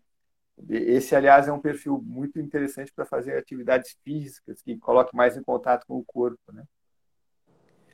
Já o ponto 6 do Enneagrama, Dani, é, está muito ligado ao medo. Então, essa perspectiva de, de querer ter segurança, de querer ter controle, de ser prudente, de ser precavido no seu dia a dia e de se apegar às suas verdades, aos seus valores, aos seus princípios. Então, são pessoas que naturalmente passam muita confiança para a gente. Vários deles falam: ó, comigo é no fio do bigode, eu estou te dando a minha palavra. Né? E, e, realmente, quando eles falam isso, é verdadeiro. Eles são muito leais à causa, né? muito fiéis à causa o que às vezes pode ser muito prejudicial, porque daí ele se apega demais a grupos, à sua verdade, aos seus princípios, aos seus valores, e o diferente pode ser uma ameaça. E essa necessidade de controlar, de, de controlar situações das pessoas, costuma gerar um altíssimo nível de ansiedade. E isso é ruim, porque eu fico preocupado com o que pode acontecer amanhã. Fico preocupado com o que pode acontecer depois de amanhã. E aí o nível de ansiedade vai lá em cima. Por isso que a virtude correspondente ao medo é a, é a virtude da coragem, que significa agir com o coração, que é essa compreensão de que coisas importantes da nossa vida a gente não tem controle. Mas eu me sinto de alguma forma amparado, me sinto de alguma forma seguro e, e, tenho consciência de que numa situação de risco, numa situação adversa, eu vou conseguir é, perceber que está acontecendo alguma coisa errada e vou conseguir me, me, sair bem dessa situação. Então, é, uma, é um contraponto interessante em relação ao medo. Já no caso que você falou bastante do ponto 7 do Enneagrama, né? a, sustentação disso é da gula, e, e, a gula não por comida, mas essa avidez por variedade de ideias e sensações. Pode ser também, né, para algumas pessoas, né? Mas essa coisa de que a cabeça está sempre com uma nova ideia, um novo plano, um novo projeto, né? Como, eu lembro até gente... hoje, quando você foi apresentar o tipo é. 7, né? que você disse assim, estava falando do 7, né? A cabeça é redonda, as ideias é que é. Isso. É a cabeça é? redonda para as ideias circularem, né, Dani? Isso, Pô, vamos é. pensar diferente, vamos fazer outra coisa, vamos por outro caminho, né? Muito bom. Aí você liga pro Dani, ô Dani, onde é que você tá, cara? Tô no planeta Terra, ainda não fui para Marte, ainda tô aqui na Terra, cara. Porque pode estar em qualquer lugar do planeta, né, cara? Essa é a perspectiva, né?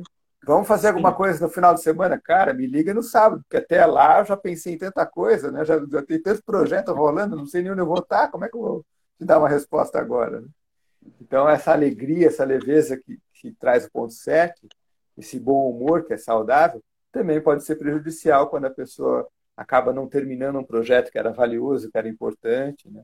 ou acaba brincando com uma pessoa, com uma circunstância que não é que para a pessoa não, não cabia aquela brincadeira, para ela era séria a história. Né?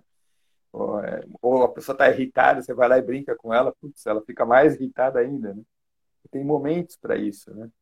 E às vezes a pessoa brinca tanto que quando ela está falando sério, você não acredita, você não sabe se está falando sério ou não. A pessoa está sempre brincando com aquilo. E essa, é, eu brinco que é uma tagarelice mental, né? Passa tanta coisa, às vezes a pessoa não consegue nem ouvir o outro, porque tem tanta coisa na cabeça dele que ele já está com a resposta, com a pergunta, com a outra resposta, ele não consegue estar presente. Conseguir, por exemplo, ouvir a resposta do outro. A palavra mágica que você vai trazer aí. É a sobriedade. Né? Então, a sobriedade é a virtude que traz esse, esse centramento, essa possibilidade de colocar foco, colocar atenção. Hoje em dia, uma palavra muito em evidência é da atenção plena. Então, fazer alguma atividade que eu realmente consiga estar atento àquilo, para baixar essa frequência, esses 300 projetos que estão rolando simultaneamente na nossa cabeça. Né? E que a gente sabe que é, é, é, prejudicial, porque os próprios neurocientistas dizem que a gente não faz várias coisas ao mesmo tempo, a gente alterna nosso foco. Então, se eu estou fazendo várias coisas ao mesmo tempo, eu tô, são fragmentos da minha atenção, do meu foco que estou dividindo ali. Né? Então, conseguir colocar foco, conseguir ter um planejamento de um pouco mais de longo prazo, que seja mais de uma semana, né? para fazer aquilo que realmente é valioso, aquilo que realmente é essencial. Né? Então, a virtude da sobriedade traz essa perspectiva para o ponto. Interessante a gente tem um que... ponto à vontade. É interessante que os maiores prazeres da minha vida foi quando eu realmente consegui estar sóbrio. Sóbrio no sentido não de bebida, mas de ter a Sim. atenção plena. Uhum. E é muito power isso aí, tá? Porque o meu natural é querer fazer tudo ao mesmo tempo. Só que os meus melhores resultados, por exemplo, assim, isso que tu falou do, ah, me liga sábado, que sábado a gente decide, até lá tem muita coisa para rolar.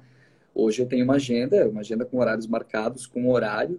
Isso é uma coisa que me aprisiona, mas me dá uma sensação de liberdade muito grande. Porque eu consigo ver o processo chegando ao fim, eu consigo concluir as coisas, eu sei que tal dia tem tal coisa para fazer. Então hoje está tudo na agenda. E aí o que eu me permito é, tipo, por exemplo, assim, ah, é, sábado à tarde tem um bloco lá que está livre na minha agenda. Então eu vou fazer o que eu tiver vontade de fazer no sábado. É como se fosse a minha alforria da semana, digamos. Mas essa percepção que eu tinha que ter uma agenda para realmente conseguir ter resultado foi muito boa. Por quê? A sensação de concluir é melhor do que a sensação de estar tá fazendo várias coisas ao mesmo tempo. E essa uhum. sensação de sobriedade não é uma coisa natural para mim, não é uma coisa que eu tenho o tempo todo. Mas quando eu tenho, é extremamente prazeroso. Então, isso que você falou do, do vício e da virtude, né? Isso. O vício, ele cava uma masmorra para tu ficar enterrado lá dentro. Uhum. E a virtude, ela levanta um templo à tua paz de espírito, né? Ela te Bem traz legal. uma sensação de de paz mesmo, de um prazer que tu não teria caso você não tivesse essa percepção, né? Isso, Dani. Isso significa o seguinte: você passa a sentir-se com as rédeas da sua própria vida na mão. E isso não tem preço para gente, porque a gula faz eu querer sempre o novo, o mais legal. É, é, sabe o perna longa correndo atrás da cenoura? Para qualquer lado que tiver uma cenoura, ele está satisfeito e ele muda o foco instantaneamente. Mas aí é, uma, é, uma, é um prazer de segundos ali, né? Porque depois já tem outra cenoura ali, outra ali, outra ali. Ao passo que quando você conscientemente pô, foca nisso, conclui aquilo que é importante para você, esse é um prazer mais verdadeiro, né? que a sobriedade traz para a gente. E isso não serve só no caso da gula, mas serve para todos os tipos. Quando a gente está viciado em algo e a gente consegue é, ter uma relação mais saudável com isso, sentir-se se apropriando disso, conseguindo melhor lidar com isso, é uma sensação indescritível de comando da minha própria vida. E isso é que as virtudes possibilitam, né? Uhum. É, já no caso do ponto 8, a, o vício emocional que sustenta isso é a luxúria. Luxúria no Enneagrama tem muito a ver com, com força, com intensidade, com impulsividade. Então, se é para fazer, só se for agora.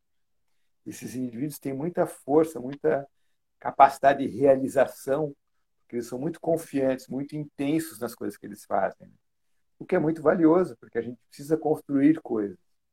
Agora, é, ele pode che chegar num, num, facilmente num ponto de usar força desproporcional. Então aí é um indivíduo que causa um estrago enorme, né?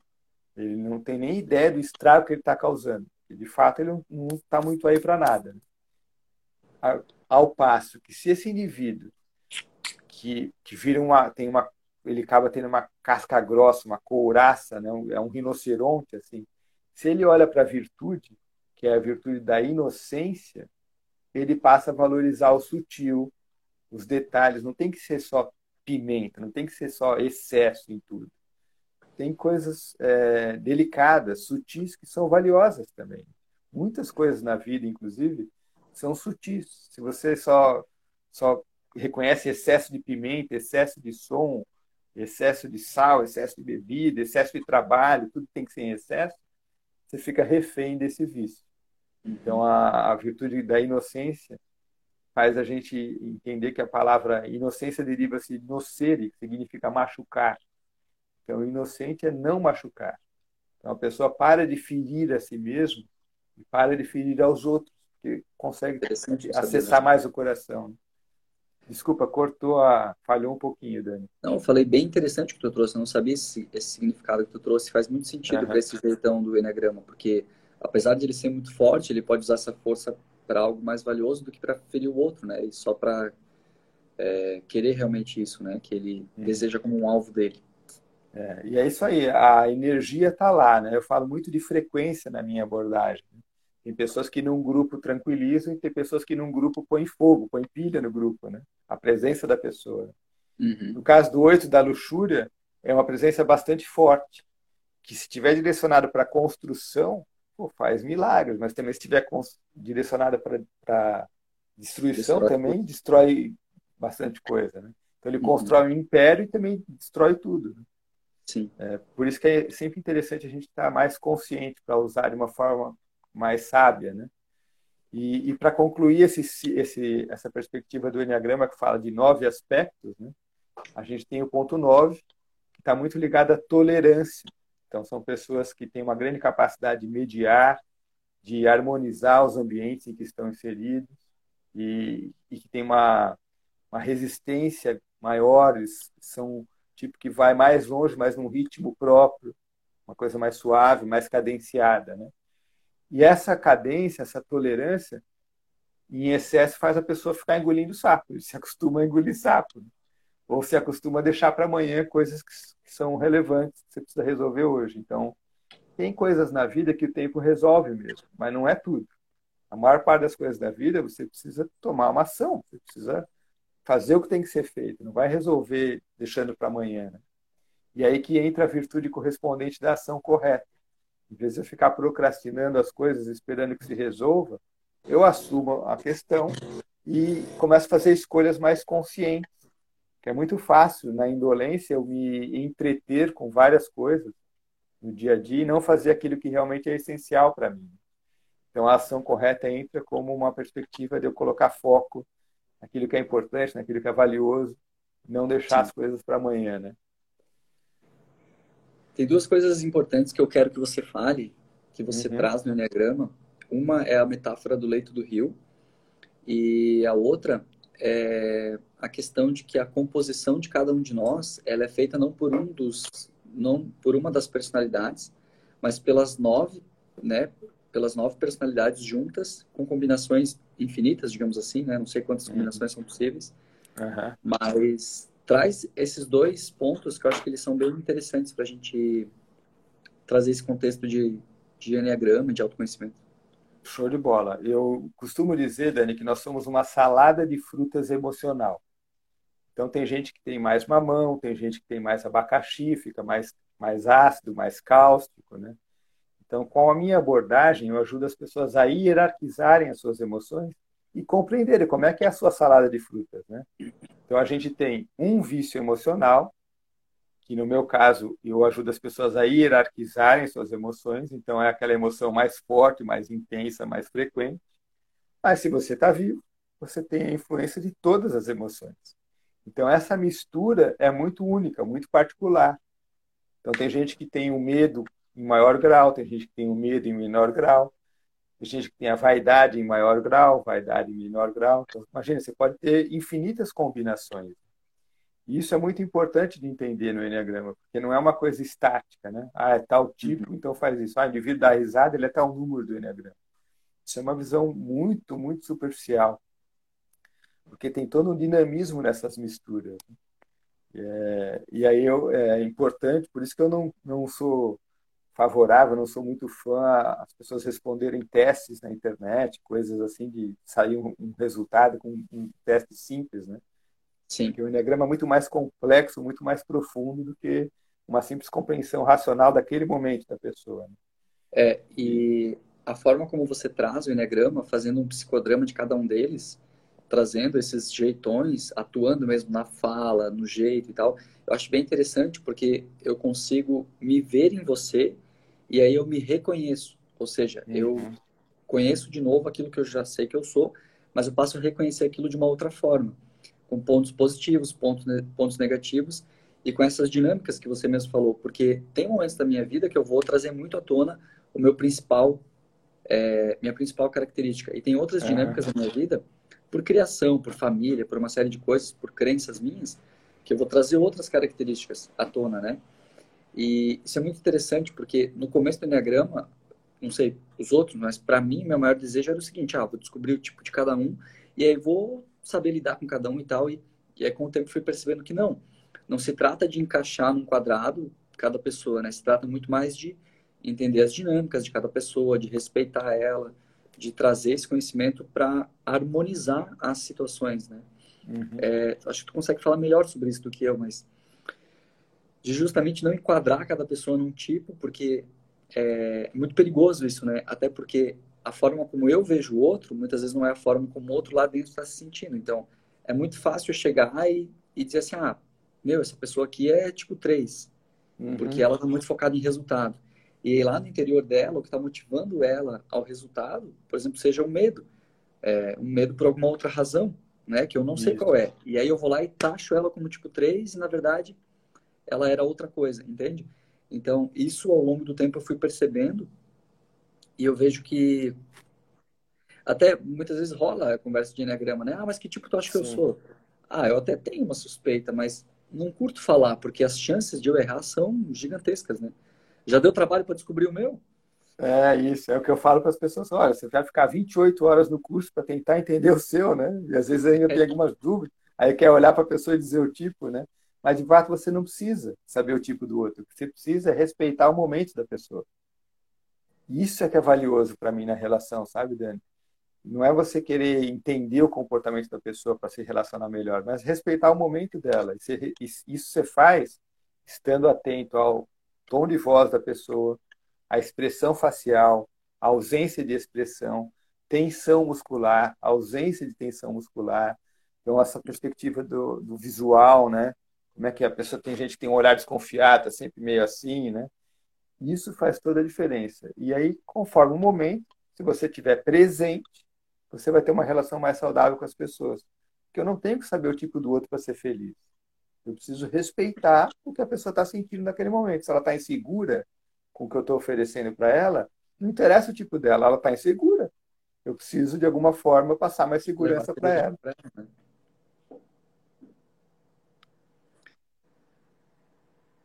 Estamos chegando no final? É, eu acho que, tá, acho que a gente está correndo o risco de, de, ser cortado daqui a pouco. Ricardo, é, a metáfora do rio, para a gente encerrar esse nosso bate-papo. É, o que faz, você fala do leito do rio é quando eu, quando eu falo que as emoções são como se fosse o leito, a água no leito de um rio, né? Ela pode estar abaixo Sim. do normal, pode estar no seu fluxo natural e pode transbordar o nosso riozinho. Isso é interessante a gente entender. As emoções são o que são, mas ela pode estar é, me orientando quando ela está no seu fluxo natural, como a água no riozinho, ou quando transborda o riozinho, ela me sequestra. E aí começa a me fazer mal, né? para mim mesmo, para as minhas relações. Essa é a perspectiva. Sim. É, é só pegar cada uma das emoções e pensar, né? Qualquer uma delas. Muito daquilo é uma enchente. Isso. Pouco daquilo Isso. é falta. E no leito né, normal é o, seu fluxo, fluxo natural. É. Seu fluxo natural. é, daquela emoção sendo usada como um combustível para a gente chegar no resultado que a gente deseja, tanto de conquistas isso. quanto de relacionamentos, né? Isso mesmo. E para isso é que servem as emoções, para nos orientar. Então, se eu estou um pouco triste, se eu estou um pouco alegre, se eu estou com um pouco de medo, eu preciso respeitar isso, entender esse momento, mas não ser sequestrado por isso. É diferente. É, ter situações difíceis a gente vai ter na vida. Agora, ficar sofrendo a vida inteira por aquilo, aí já é outra história. Tem momentos de alegria, é natural que a gente vai ter na vida. Mas só alegria não é a nossa realidade. Então, a gente está vendo o que a gente está passando agora, por exemplo. Sim. Bem legal o nosso bate-papo, Dani. Você cair. Gostei. Gostei bastante. Te, te, te dizer que foi bem produtivo de minha parte. Da minha parte também, eu agradeço, porque é um conhecimento que eu sozinho não daria conta de trazer. Tu traz ele uhum. com uma habilidade, né? Traz com uma mão nas costas, bem tranquilo aí para ti. É um assunto que tanto me interessa e é um assunto que muitas vezes eu quero trazer para as pessoas, porque às vezes eu tô vendo que é alguma coisa que, cara, que se tivesse, virava, sabe? E aí, Legal. pô, mas para tu parar, para tu explicar e mostrar, às vezes é desafiador, né? Então, quem quiser conhecer mais do trabalho do Ricardo, pode acompanhar ele nas redes sociais. Assina embaixo no treinamento que ele dá, pode comprar o presencial, o virtual, é muito bom. Já fiz, já participei. Para vocês terem uma ideia, eu fiz, a, eu participei da minha turma em 2014 e depois as próximas turmas que ele foi ministrando, participei de algumas outras, tá? Como staff, outras revendo o curso mesmo. E todas as vezes que eu participei, eu aprendi. Não teve uma única vez que eu não aprendi. Ou com o Ricardo, ou relembrando alguma coisa, ou olhando a apostila, ou olhando material ou vendo situações da vida real de outras pessoas, que o curso tem muito disso, é muito dinâmico, né? Sim. É, as histórias que vão sendo trazidas, as interações, é muito interessante. Porque aí eu deixo de olhar para o mundo só através da minha história e eu passo a ouvir e perceber muito o que o outro tem para me trazer também. Isso é muito rico, porque vai gerando conexões novas, a gente vai percebendo novas novas situações, né? Até hoje, na live aqui contigo, aprendi coisas novas, não tem como negar. Então, é, meu Deus, é que o, o Enneagrama é apaixonante, né? Assim como o PNL, assim como, enfim, pelo menos para uhum. mim, né? Que gosto uhum. dessa área. Tá aí a recomendação, né, Ricardo? Não tem nem o que, não tem o que tirar e nem pôr. Quem, quem quiser fazer um curso bom de Enneagrama, faz com o Ricardo, vai se surpreender, vai ser muito bom, é, é fantástico. Show de bola, Dani. Obrigado pelo convite. Também recomendo às pessoas que estão acompanhando a gente que conheçam melhor o seu trabalho, porque são informações complementares, né? Sim. E estou à disposição de todo mundo aí, só mandar um direct para mim ou me acompanhar nas redes sociais para a gente poder conversar mais sobre isso, porque é um assunto que é infinito, assim, a gente está sempre aprendendo, sempre evoluindo, né? E dizer que vale a pena a gente colocar uma intenção e entender mais de gente porque as famílias estão precisando, as empresas, o planeta está precisando de gente com mais maturidade emocional, com mais desejo de fazer é, contribuir positivamente, né? Tenho a impressão que a maior parte das pessoas não vai perceber muito a grande mudança que está acontecendo no mundo, mas tem milhões de pessoas mais conscientes e, e querendo impactar positivamente, contribuir positivamente. Boa noite a todo mundo aí, valeu Dani pela, pelo convite até breve, né? Ricardo, brigadão aí pela tua disponibilidade. É, quem está assistindo a gente aqui, vale a pena conferir quando é a próxima turma de Na Grama do Ricardo. Conversa direto aí com ele. E, Ricardo, cara, gratidão mesmo. Muito obrigado pela tua disponibilidade. Meu Instagram está aberto para você. Quando você quiser fazer outra live, a gente pode fazer, pode marcar. Estou à tua disposição aí para o que você desejar também. E obrigado mesmo pela tua disponibilidade. Foi uma mensagem rápida ali no WhatsApp, tu topou e foi embora e gostei. A gente nem fez script, não combinou nada, entrou na live, foi é. falando. Tu topou fazer uma live bem no estilo 7 e foi embora e, foi muito tá bom. tudo gostei. 10, só alegria. Gratidão. Valeu, Dani. Boa noite, Valeu, galera. Tudo de bom para todos aí. Valeu, até mais. Até mais. Tchau, tchau.